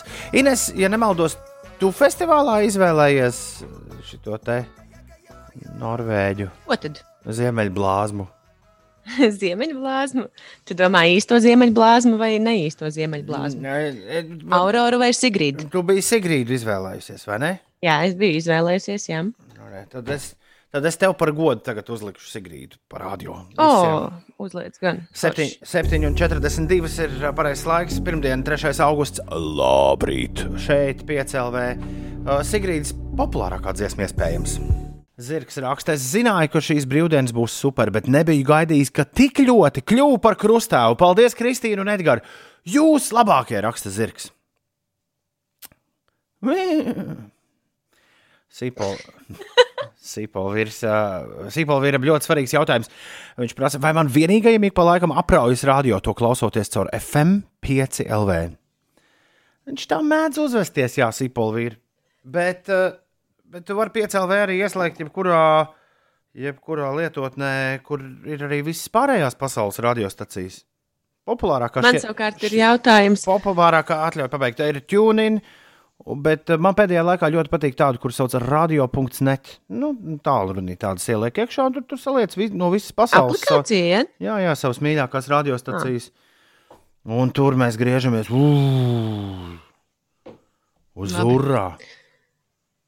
Ah, Jā, man bija jautājums, vai man vienīgajai iet tik slikti internets šajā rītā. Es vispār brīnos, kā mūsu sa sakari nav ietekmēti. nu, tu stipri Tas labāk, tu stipri labāk izklausies nekā rītā, kad tu biji pie upītes pirtiņā. Kaut kur gulbenē. Um, tas, protams, ir labi. tad uh, ar to vienu datoru viss ir kārtībā. Bet kas notiek ar otru datoru? Tā, tur rūtīši ir pilnmēnesim pa godu palēkājuši droši vien pa mikroshēmiņām. Droši vien. Ir bez desmit astoņi. Ines. Celies augšā, celies augšā. Pastāsti, kas notiek. Internets man neiet, bet labi, ar to es tikšu galā. Šodien Latvijā daudz mākoņu, gaisa temperatūra plus 19, plus 23 grādi. Latvijas pusē mazliet siltāks, plus 25. Sinaptiķi prognozē, ka vietām līs, galvenokārt gaidāms neliels un īslaicīgs lietus. Vējš pārsvarā saglabāsies lēns, dominēs dienvidu un rietumu vējš. Rīgā gaidāms. um, Neliels mākoņu daudzums, iespējams īslaicīgs lietus, pūšot lēnam dienvidu, dienvidu rietumu vējam, gaiss galvaspilsētā iesils līdz plus 22 grādu atzīmē. Par sastrēgumiem šobrīd posmā no Dabas līdz Jaunolainē, tas eh, braucot pa Jālgavas šoseju Rīgas virzienā, šis posms eh, prasīs aptuveni 20, ne 29 minūtes. Iepriecināja droši vien braucējus. Eh, Rīgas ielās šobrīd Mūksels iela posmā no Mūksels ielas 29 līdz Akmens tiltam ir mazliet sastrēgusi. Tur jāpavada 6 minūtes. Vienības gatavē jārēķinās ar mazliet vairāk nekā 3 minūšu kavēšanos, bet citās ierastajās sastrēguma vietās gan situācija ir uh, mierīga. Šodien veselības inspekcija un arī rīt pārbaudīs peldūdens kvalitāti Latvijā. Analīžu rezultāti par šiem, šīm pārbaudēm būs gaidāmi 7. augustā. Kā uzzināsim, eh, kurās vietās var peldēties. droši. Gaidām, gaidām. Vēdējais laiks, ne, saprast, kur tas ir. Vasara, pa, vasara Labāk pašā, vēlu nekā jā, nekad. jā, vasara pašā plaukumā. Šaubu nav. Uh, es aizlasījos šīs dziesmas tekstu. Mēģinot saprast, par, par, atklāji. par ko dziesma ir. Uh, pilnīgi neko. Te, tas bija, tas bija Blueberry Feigo, jā, mazais mūziņš, Liela Mūzija. Ir bez piecām astoņi. Jā, parasti šajā laikā pirmdienās ir Ines geogrāfijas spēle, bet tā kā nav nu, pietiekams spēlētāju kvorums, tad tā vietā mēs klausāmies uh, kādu Inesēju ļoti tuvu kompozīciju. Uh, nākamā dziesma ir šī. Ja var kļūdīties, Vienmēr tā patīk, ka Ines paklausīties soundpoets. Vi, viss var mainīties 7,58 minūtēs no salu tilta nobraucot lejā, labajā pusē avārija. Tur korķis lēnām salasās. Paldies autovadītājam, kurš mūs par šo informēja. Un, ja arī tur redz kādas, kādas netaisnības uz ceļiem, vienalga Latvijas galvaspilsētā vai kur citur, padod lūdzu ziņu 293, 202, 293, 202. Labrīt, piecīši! Paldies par šo nu pat dzirdēto soundpoets dziesmu. Tā ļauj ieslīgt lieliskajās sestdienas vakara atmiņās no soundpoets koncerta Ādažos, kurš bija patiesi sirsnīgs, lai ražīga jaunā darba nedēļa. Tā izklausās, ka visas grupas spēlē tādus maziņus, bet eh, ļoti sirsnīgus koncertus šajā vasarā. Kas man liekas, ir pat foršāk nekā tādi lielie masu pasākumi. Salvijas ziņo ārprāts ar to A8. Nu, jā, tā tur ir. Pirmdiena. Neskatoties uz to, ka augusts ir atvaļinājuma laiks, cilvēki brauc diezgan uz darbu. Jā. Braucam, braucam, braucam, braucam. braucam. Un uh, lai labas šeptes visas šīs nedēļas garumā. Pirmdienā, 3. augustā, pareizais laiks ir precīzi 8 no rīta. Cēlies augšā un lai forša nedēļas sākums. Mieru, tikai mieru. Sveiciens visiem tiem, kas lēnām uzknosušies augšā atvaļinājumā. Draugi, mīļie, jā, jā, padzeramies ūdentiņu un apakaļ gultā. Nav iemesls nekādam satraukumam. Mēs te pārējie bišķiņi padarbosimies. Bet Edžulim ir ka tiešām kāds cilvēks tā dara, nu, nu, nejauši pamostās tik agri atvaļinājumā. jautājums, līdz cikiem Ulas to Xbox nospēlēja. Bet Nu, Uldis ilgi spēlēja. Uldis, man liekas, līdz vieniem naktī apmēram nospēlējās. To jau viņš neteica, ka viņš ir līdz vieniem spēlējis. Varbūt viņš spēlēja vēl ilgāk. Viņš pirms vieniem mums deva ziņu. Bet, eh, bet jā, jautājums, cikos viņš aizmiga. Bet, ja viņš aizmiga līdz teiksim, kādiem diviem vai trim, tad vajadzētu būt, ka viņa iekšējais pulkstenis rauj viņu jau tagad augšā. Pasties, ārā arī diezgan gaišs par spīti tiem mākoņiem, kas te tagad divas jā. dienas būs. Citu, šajās brīvdienās arī pārliecinājos par to savu iekšējo pulksteni. Tas tiešām nav spējīgs eh, ļaut man gulēt ilgāk par sešām stundām. Man dēļ tā, ka ģimene brauca, nu, vecākais dēls ar, ar Grēviņu kundzi brauca uz Lietuvu. Man bija uh, diezgan ātri sestdienas savs rīta skrējiens jāizdara. Un es uh, sen tā nebija bijis. Es sestdien sešos no rīta biju uzlicis savu modinātāju. Un uh, rīktīgi fēni. Nu, tādā ziņā, ka jūtu to stundu, kur tu vairāk vari pagulēt par, par parastām dienām. Pat, pat tajā gadījumā. Un galīgi nekāda, galīgi nekāda vaina piecelties arī brīvdienā. Tā pārāk. Varbūt šī ir viena no pamatīgākajām vecuma pazīmēm. Nezinu. Nezinu, bet kā ir, tā ir. Un, un ko, tur, ko tur melot? Klau. Kad domā, Nu, uz vecumu, tā kā mēs varētu vispār negulēt, vai kā? nu, tā runā. Tā runā ar opīti vai omīti aprunājies par to, kā tur tas miedziņš nāk un nenāk. Līdz Nu, vēlam. nav man īsti vairs ar ko aprunāties, bet uh, cik no es atceros, tad uh, opītim, jā, viņam patika ļoti, ļoti agri celties, bet viņš arī mēdz pa dienu pagulēt, tā pasnaust. Nu, re. Nu, re. Tā tas varētu arī būt mūsu vecumdienās. Cerams, ka tās būs bez visādiem vīrusiem un UTT, UTP. Pasties viens no galvenajiem virsrakstiem šorīt. Pasaules veselības organizācija uh, prognozē ilgu Covid-19 pandēmijas gaitu un, no, jā, šo un noguruma reakciju. Vai tu zini, kas ir? Jo es neatradu ziņā, kas ir noguruma reakcija. Ko tas nozīmē? Es nezinu, tā varētu būt kaut kāda pēcvīrusa sajūta, bet šo virsrakstu es vakardien iebraucot eh, Rīgā pēc pusnakts arī redzēju uz eh, vienas no lielajām superspožajām reklāmām, kas mēdz būt Rīgas ielās. Noguruma reakcija. Man liekas, ka noguruma reakcija bija tāda pamatīga aprīlī. Ko nu vairs?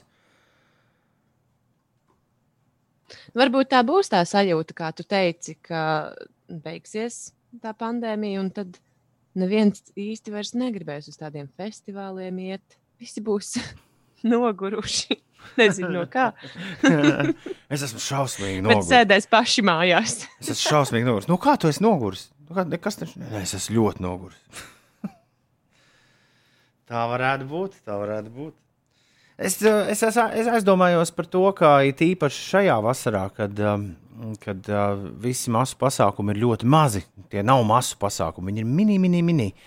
Uh, nu, nav tā, ka Latvijas galvaspilsētā notiekošajos, uh, notiekošajos pasākumos uh, nu, būtu viss tā kā nu, viss tik pilns, cik pilna, pilns var būt, cik nu vien drīkst būt. Viss, kas notiek nedēļas nogalē Rīgā, mm, tas viss ir, nu, neteiksim tā, ka pa simt procentiem apmeklēts. Kas man liekas, domāt, Bet es arī par citām vasarām. Jā. Cilvēki dodas ārpusē, cilvēki mūk prom no galvaspilsētas. Un, Tieši tā. tā ir tendence, Uh, ja kas šogad ir pasākumi- jā, redzama. Jā, kārtīgi. ja pasākumi nav apmeklēti, tad uh, visas iespējamās kempinga mājiņas ir uh, visur pie, pie jūrā un, un Latgalē, man liekas, uh, pilnībā aizrunātas uz visu šo mēnesi. Es arī mazliet tā painteresējos, pameklējos, bet sapratu, ka mm -mm, nebūs. Emīls raksta, es esmu noguris no tās jūsu stresošanas par vīrusu. Emīl, bet kādam panika ir jāuztur? es, es, es panika? es Mēs nestresojam nemaz. Mēs gaidām, kad tas beigsies. Mēs gaidām, kad Apspriežam lietas, kas notiek apkārt. Kad vēl ir bijuši koncerti Rīgā uz ezera, vai, vai saulrieta, vai saulēkta koncerti pie Ārvis raksta, varbūt nogurums izpaudīsies tā, ka cilvēki būs noguruši no sankcijām un aizliegumiem un vienkārši neievēros norādījumus. Kad... Un tad atkal būs vēl lielāks uzliesmojums. es, ņemot vērā mūsu temperamentu, es domāju, ka mēs nebūsim, ja, ja šāds nogurums iestāsies, kā Arvis raksta, mēs nebūsim pirmie, kas to izjutīs uz savas ādas. Es domāju, ka Latvijā domā, varētu tas būt tik tāds nu, skaļš, tas, tā nemiera i- izpausme. Mēs esam miermīlīgi diezgan. Nu, Tāda latvieši jau mēdz samierināties ar visu kaut ko ātri, pierod pie, pie nērtībām.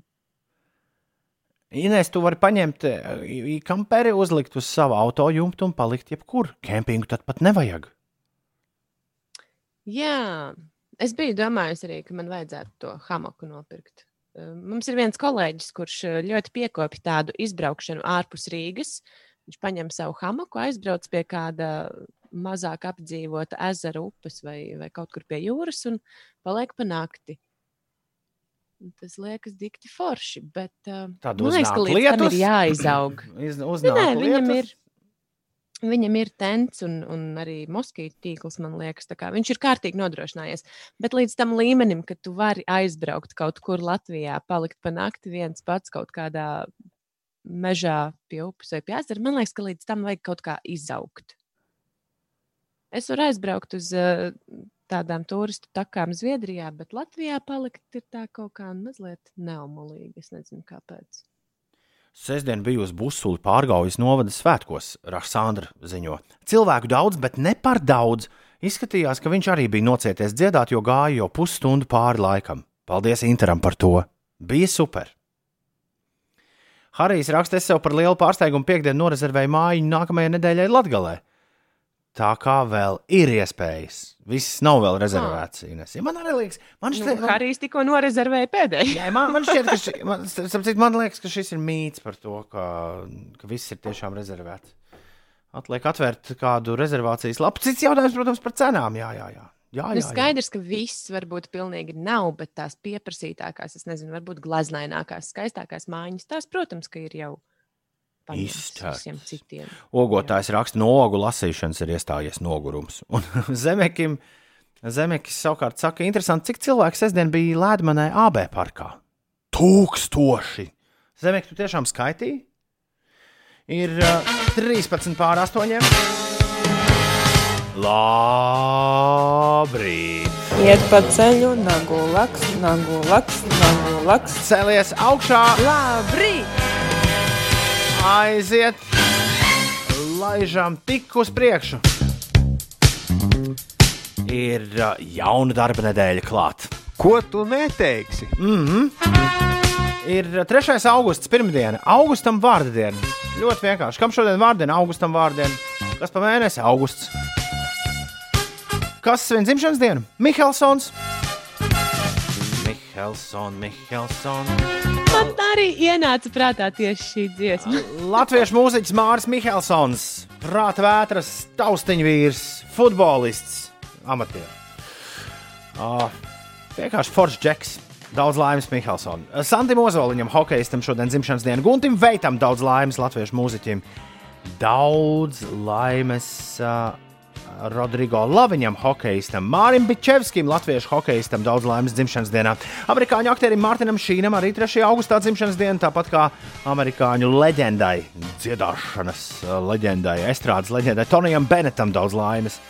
Metālikas solistam Džeimsam Hatfieldam šodien dzimšanas diena un kanādas aktrisei Evangelīnai Lilijai no Lost seriāla. Viņai daudz Jā, laimes. kā mēs noskaidrojām, tā bija sliktā meitene no Lost. Un, um, no manis sveicieni uh, dzimšanas dienā ceļo pie Jāņa Kropa, mūsu bijušā kolēģa, un arī Uģim Bērziņam sveicieni. Daudz laimes, Uģi un Jānī. Tu klausies 5 LV. Jums mums ir tumbas ir gaisā, oi pa ceļi ej, te muzika tev maisa. Tas nav tavs, kad abas par sakarā ausmeņa, ja, te ir muna otra ģimeņa. Otra ģimeņa. Vienmēr gribas uh, kaut ko par ģimenēm teikt, tad, kad dzirdu šo dziesmu. Jā, man gan ne. Pār, vienmēr sanāk, viņš pārklausīties.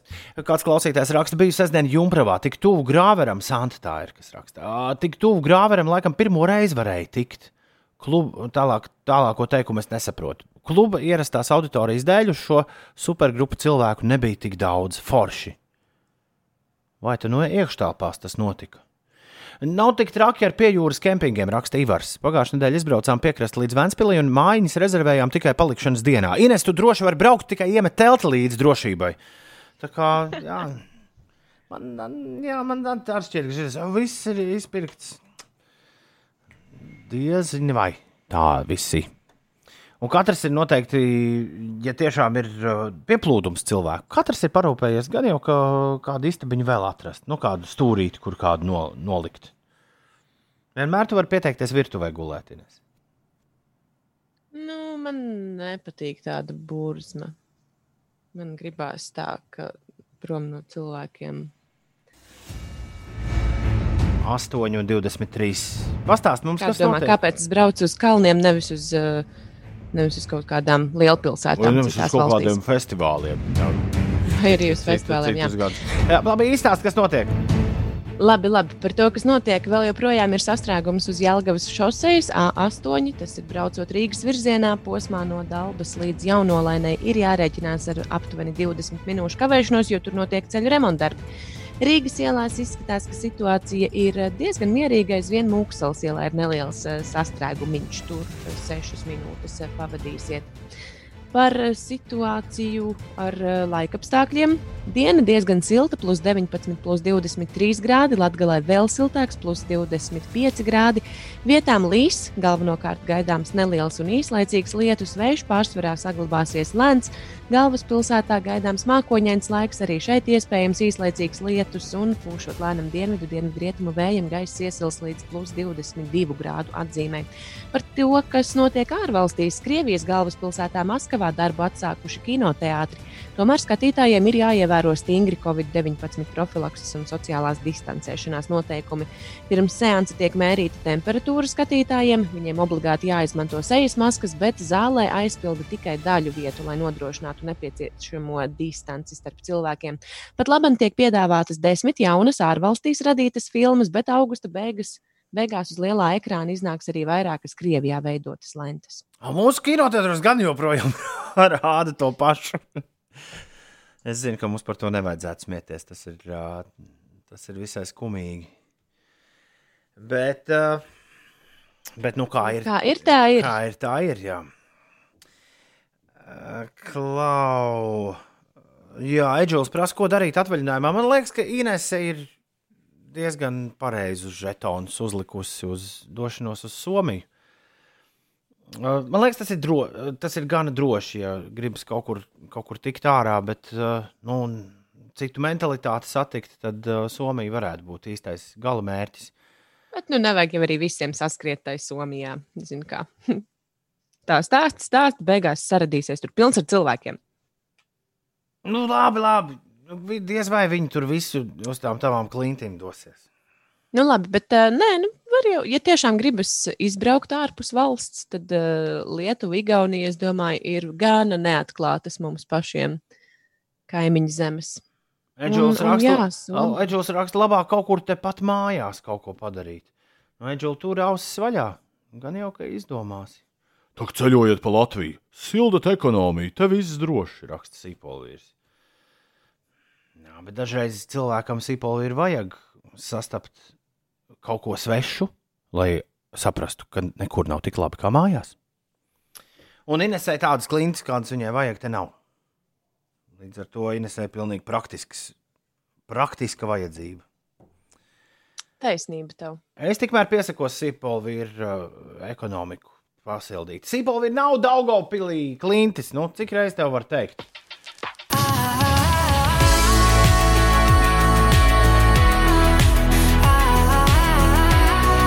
Viens no šīs vasaras lielākajiem grāvējiem. DJs uh, Cepam Šmulīts un Helsija ar Be Kind. Marshmallow! 8,29 minūtēs. Uh, šī dziesma, tāpat kā visas pārējās populārās dziesmas, ir bieži dzirdamas uh, šī brīža uh, 2020. gada vasaras uh, aprunātākajā iespējams sociālajā tīklā TikTok. Vismaz uh, šajā raidījumā aprunātākajā pavisam noteikti. Bija rīktīgi smieklīgi. Uh, iekāpjot automašīnā un braucot uz futbolu sestdien ar daudz jauniem cilvēkiem kopā. Man drauga uh, desmitgadīgais dēls, uh, pirmā lieta, ko viņš apjautājās, viņš teica, "Jū, cik tev tik kā sekotāji? Bet tik kā sekotāji neko tev neizrāda. Viņš, viņš bija pats pilnīgi netīšām redzējis, uh, viņam bija parādīts tas video, kurā man neizdevās mēģinājums ar uh, končām un uh, limonādes uzliešanu tām virsū. Tur šobrīd ir nozīmējušies Ines 80,000 cilvēku. Šausmas. Hmm. Bet tikmēr, Daudz bet, bet tikmēr sekotāji ir tikai tūkstoši. Es saku, tur nav, tur nav svarīgi, cik tev ir sekotāji. Tur svarīgi ir, vai ir kāds video, kurš trāpa pa masām. Un kā mēs ar Ulu esam tev vairākas reizes stāstījuši, ka nevienmēr tas video, kurš trāpa pa masām, ir tas, ko tu domā, ka viņš trāpīs pa masām. Tāpēc tur ir vērts taisīt visādas, visādas muļķības, un varbūt kādu dienu kāds tiks pamanīts. Saka, ir vērts, ja. Tur bija, pagā... es saprotu, ka kaut kur bija parādījušās baumas pagājušajā nedēļas nogalē, ka TikTok grasās iegādāties Microsoft, jo, jo Donalds Trumps ir draudējis to aizliegt Amerikas Savienotajās valstīs dēļ šī tīkla saistībām ar Ķīnu. Bet vai kaut kas tur ir ā, attīstījies, tiklīdz būs, ja būs attīstījies, mēs noteikti par to pastāstīsim. Bet pagaidām nekādu jaunumu mums nav šai sakarā. Man liekas, jālaiž beidzot Wolfkungs pieteikšanas, Ines. Nu, Palaid, palaid, jā. Kā tev liekas, Harijs Stails ir joprojām numur viens Latvijā vai nav? Es nedrīkstu atbildēt uz šo jautājumu, jo braucot uz uh, tūju, laikam, es dzirdēju. Tā kā es zinu. Tu zini uz šo jautājumu. Klausāmies uh, vispārējie mēs, kas to nezinām. Artis Volfs savu auto mazgā vidēji trīs reizes gadā. Taču valsts svarīgāko hitparādi Latvijas top 40 viņš vada 52 reizes gadā. Latvijas top 40 Svētdienās, 5 pēcpusdienā, 5 LV. Nu, labrīt, labrīt, labrīt, Ines un Tom. Te Arts Volps un vakar notika Latvijas top 40. Kāds bija pirmais desmitnieks, to tūlīt arī uzzināsiet. Latvijas top 40.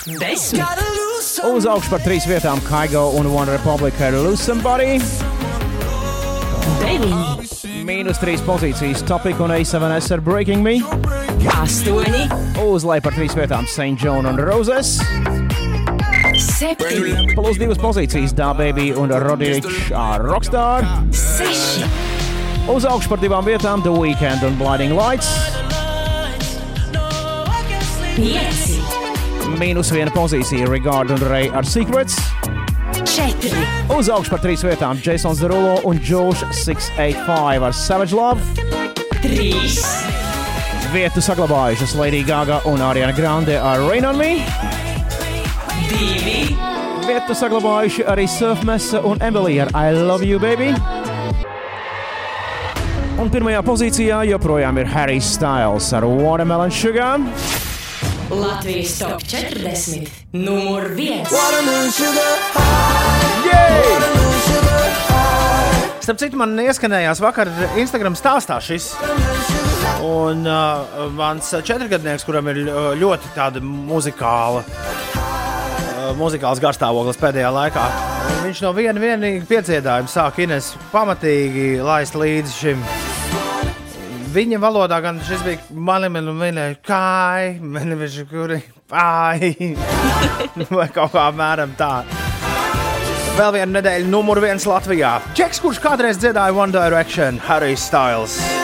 Watermelon sugar. Cilvēkiem ar augstu cukuru līmeni asinīs. Es domāju, šī nav pat mīļākā dziesma, bet uh, paldies Dievam, viņa nav vairākums. Numur viens Latvijā - Harry Styles, Watermelon sugar.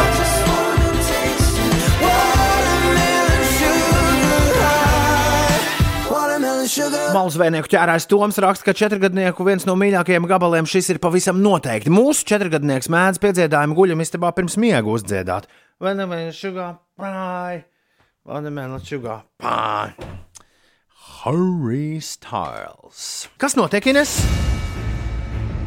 Austrālijā, Viktorijas štatā koronavīrusa Covid-19 dēļ noteikti stingri cilvēku pārvietošanās ierobežojumi. Melburnas pilsētā arī noteikta nakts komandas stunda. Kopš sestdienas reģionā apstiprināts jau 671 jauns inficēšanās gadījums, un vīrusu prasīs septiņu cilvēku dzīvības. Austrālijas otrajā lielākajā pilsētā Melburnā turpmākās sešas nedēļas būs spēkā nakts komandas stunda, un iedzīvotājiem būs jāuzturas savos mājokļos no 8 vakarā līdz 5 no rīta. Tikmēr Krievijas galvaspilsētā Maskavā darbu atsākuši kinoteātri. Skatītājiem gan jāievēro stingri Covid-19 profilakses un sociālās distancēšanās noteikumi, bet uz eh, kino drīkstēs iest. Uh, Tiesa pirms tam būs jāizmēra temperatūra, eh, obligāti jāizmanto sejas maskas un zālē varēs aizpildīt sēdvietas tikai daļēji no visām pieejamajām. Par eh, citām aktualitātēm šorīt notika Nacionālās basketbola asociācijas spēle starp Dallasas Mavericks, kurā spēlē Kristaps Porziņģis un Phoenixes Suns spēlētājiem. Diemžēl Kristapa komanda ar rezultātu 115 pret 117 šo spēli zaudēja. Kristaps Porziņš gan tajā guva 30 punktus. Un Nacionālās hokeja līnijas Stanley Kausa izcīņas kvalifikācijas raundu teicami izdevies uzsākt Elvija Merzlikina pārstāvētajai Kolumbusas Blue Jackets ar rezultātu 2-0, pārspējot mājinieci Toronto Maple Leafs. Tiesa šajā spēlē Blue Jackets vārtus sargāja Jonas Skorpisālo. Šie būs ļoti interesanti playoffs. Gan basketbolā, gan hokeja. Jo absolūti nekādīgi nedarbosies māju handicaps. Nu, tāda vienkārši nav. Viņi, viņi visi spēlē vienā, vienā vietā, bez līdzjutējiem. Līdz- jā, tieši to arī gribēju teikt, bez, bez līdzjutēji. Līdz ar to troksnis kaut kādu tur būvu un ū, nekādā veidā neietekmēs sportisko garu. Atlētiem būs jārāda, ko viņi spēja izdarīt. Arī bez atbalsta. Pēc tam būs interesanti paprasīt Dāvim vai paprasīt Kristapam, kāda bija sajūta. Ar ko šis basketbols attē, vai zemgums, nu, hoķī, ne zemgums nespēlē. Nu, jā, kādam no mūsiem paprasīt hoķī, kā viņi jūt, jutās, vai, vai ir kaut kā savādāk. Vai tomēr nē, nē. Bļukers spēlē un Elvis Merzlikins. Jā, Zvaigznes un Bluegers. Jā, jā, jā, jā, jā, jā, jā. Milzīgs korķis nobraucot no salu tilta virzienā uz pārdaugau. Tur jau pirms stundas bija avārija. Interesanti, ka šis viss tā turpinās. Uh, mm, Pīsiņš raksta, Dāvis arī nespēlē. Pareizi. Ah, Jā. Viņš esot viņa bārā vecrīgā piekdienā redzējis. so, sorry! Aizmirsās. Aizmirsās. Tas, uh, nākamnedēļ, pēc nedēļas, šie rīti pārvērtīsies par vēl muzikālākiem rītiem, kā ir tagad. Jo pēc uh, nedēļas arī Inês pazudīs, kur acis rāda. Un, uh, Jā, cerams. jā, pēc iedib, man, mana paša iedibinātas tradīcijas muzikālajos rītos mums pēc septiņiem no rīta ir, ir īpaša rubrika ar dziesmu, kur neskan par radio. Vai nekad tu nedzirdēsi citā brokastu radio? Es šorīt arī gribēju uzspēlēt kaut ko, kaut ko īpašu tevines un visiem pārējiem, kas parādījās mūzikas pasaulē piekdien, bet bija nepieciešams vairākas stundas jau pēc mūsu radio, lai es atklātu, ka tā, kaut kas tāds vispār ir parādījies. Uh, viens uh, Latvijā gan uh, labi pazīstams un atzīts mūziķis, nu, Kings of Convenience, viena puse, Erlends Oja. Viņš šķiet, tagad dzīvo Meksikā. Viņš ir uh, aiz gara laika ar draugiem ierakstījis Meksikā vienā pamestā viesnīcā karantīnas albumu. Un bez nekādām īpašām reklāmām izlaidu to jā, pagājušajā piekdienā. Un tajā viņš un viņa grupas Whitest Boy Live bundzinieks Sebastians Mašats abi divi ir sarakstījuši visādas nebēdīgas dziesmas, un viena no tām ir īpaši nebēdīga. Un es to vēlējos nospēlēt. Nospēlēt tev Ines un uzzināt, ko tu par to domā. Iespējams, jau ir tikai trīs. Vai nu ļoti patiks, vai nu ļoti nepatiks, vai arī kaut kā uh, pa vidu. Bet kā nu būs, to mēs tūdaļ noskaidrosim. Erlends Oja un Sebastians Mašats uh, pazuduši kaut kur Latvijā, Amerikā un uh, karantīnā ieslēgušies viesnīcā. Viesnīcu sauc El Ganco, un plati arī tā sauc Karantīna at El Ganco. Un dziesma par attiecībām, Wedding Song, tagad skanēs.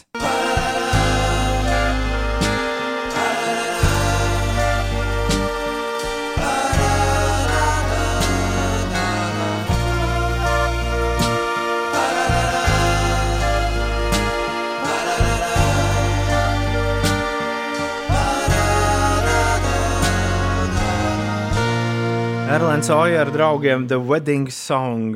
Sigulds Edgars raksta, ka skatot tā kā cep, cep, cep, cep kūku.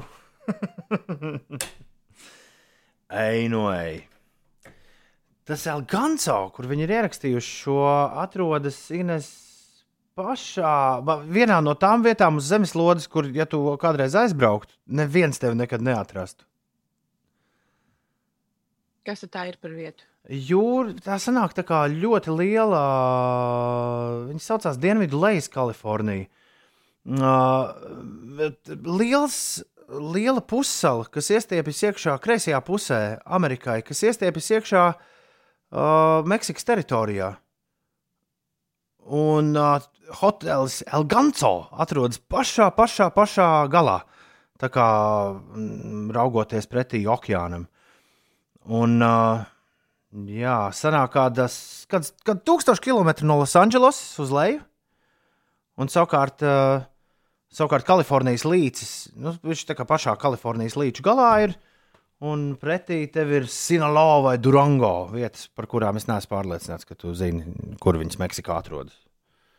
Nē, nezināšu gan. Vieta, kur patvērties no pandēmijas, man liekas, absolūti brīnišķīga. Nu, bija. Vietējiem. Bija ok? Dziesma. Nu, nebija slikti, jā. Labrīt! Es, protams, nezinu visus interesantos ziņu portālus, kur Ulas parasti izroka interesantās ziņas, bet dažos es šorīt ieskatījos un secināju, un beidzot sapratu, ko Ulas te jau pāris mēnešus pukst pie sevis, ka vispār nav interesanto ziņu. Es nezinu, kur viņš viņus atrod. Interesantās ziņas tagad uz pāris nedēļām ir atceltas. Līdz, nu, nevis uz pāris, uz veselām trim, līdz Ulas būs atpakaļ. Ko nu mēs darīsim? Uf, nu, ko, nu, ne, baigi neinteresantā dzīve būs. vai ne? Bet uh, es gribēju precizēt vienu lietu, kur mēs, par kuru mēs runājām pirms apmēram pusstundas. Amerikāņu tehnoloģiju gigants Microsoft patiešām ir apliecinājis, ka viņi šobrīd sarunājas ar Ķīnā veidotā video sociālā tīkla TikTok īpašniekiem par tā iegādi. Un tas pat ir. Jā, arī šorīt ir, nākus, ir atnākusi līdz pie mums ziņa par to, ka Donalds Trumps drīzumā nākšot klajā ar kaut kādu paziņojumu par TikTok. Microsoft vakardien vēstīja ASV sekretārs Maiks Pompeo. Microsoft boss Satya Nadella jau ir runājis ar Trumpu pa tālruni. Un, uh, ir Microsoft apstiprinājuši. Un, uh, viņi uh, ļoti labi saprot, kāpēc ir svarīgi ja, prezidentu Trumpu uh, pārliecināt, ka viss tur varētu būt kārtībā. Un uh, tiesa tās sarunas viņu, nu, tas viņiem tagad no, ar Trumpu jāsarunā, tās viņu sarunas par iegādi varētu vilkties līdz pat 15. septembrim. Un, ja Microsoft iegādāsies TikTok, tad tā, tas vispār nekādā veidā neietekmēs Latviju un Latvijas situāciju. Jo Microsoft grasās tātad savākt TikTok un ar to operēt Amerikā, Kanādā, Austrālijā un Jaunzēlandē. Un tātad būt oficiālie TikTok pārstāvji tieši šajās pasaules malās. Tas nozīmē, ka mēs paliksim joprojām ķīniešu varā. Tad varbūt katra, Jā. varbūt Latvijā var kāds no mobilajiem operatoriem pārņemt. pārņemt TikTok. vai kāds no mūsu mo- mobiliem operatoriem ir spējīgs samaksāt uh, tik lielas naudas? Bet es domāju, ka diez vai kādam citam būs būtu interesi par tik mazu teritoriju. Arī Tur uh, varētu kaut kādi zviedri paņemt uzreiz uz Skandināviju un, un Baltiju pieķert klāt. Jā, nu, ASV finanšu ministrs eh, Stevens Nučins ir eh, teicis, ka tam ir eh, būtībā divas iespējas. Vai nu pieprasīt, lai eh, Ķīnas kompānija pārdod TikTok Savienotajām valstīm, vai arī e, nobloķēt šo lietotni ASV. Nu, un tiklīdz tā tiek nobloķēta ASV, tās vērtība momentā krīt. Līdz ar to nu, ķīnieši nu, viņiem nekas cits neatliek. Tā nu tas sanāk. Jānis saka, forši, tad ķīnieši varēs turpināt zakt mūsu datus. Nu, par šo papļāpāsim citreiz. Ir pirmdiena, 3. augusts. Šis bija melanholiskais rīts ar Tomu un Inesu. Harmoniski. Mēs būsim atpakaļ rīt, bet pagaidām mēs sakām jums visu labu! Atā! Tā!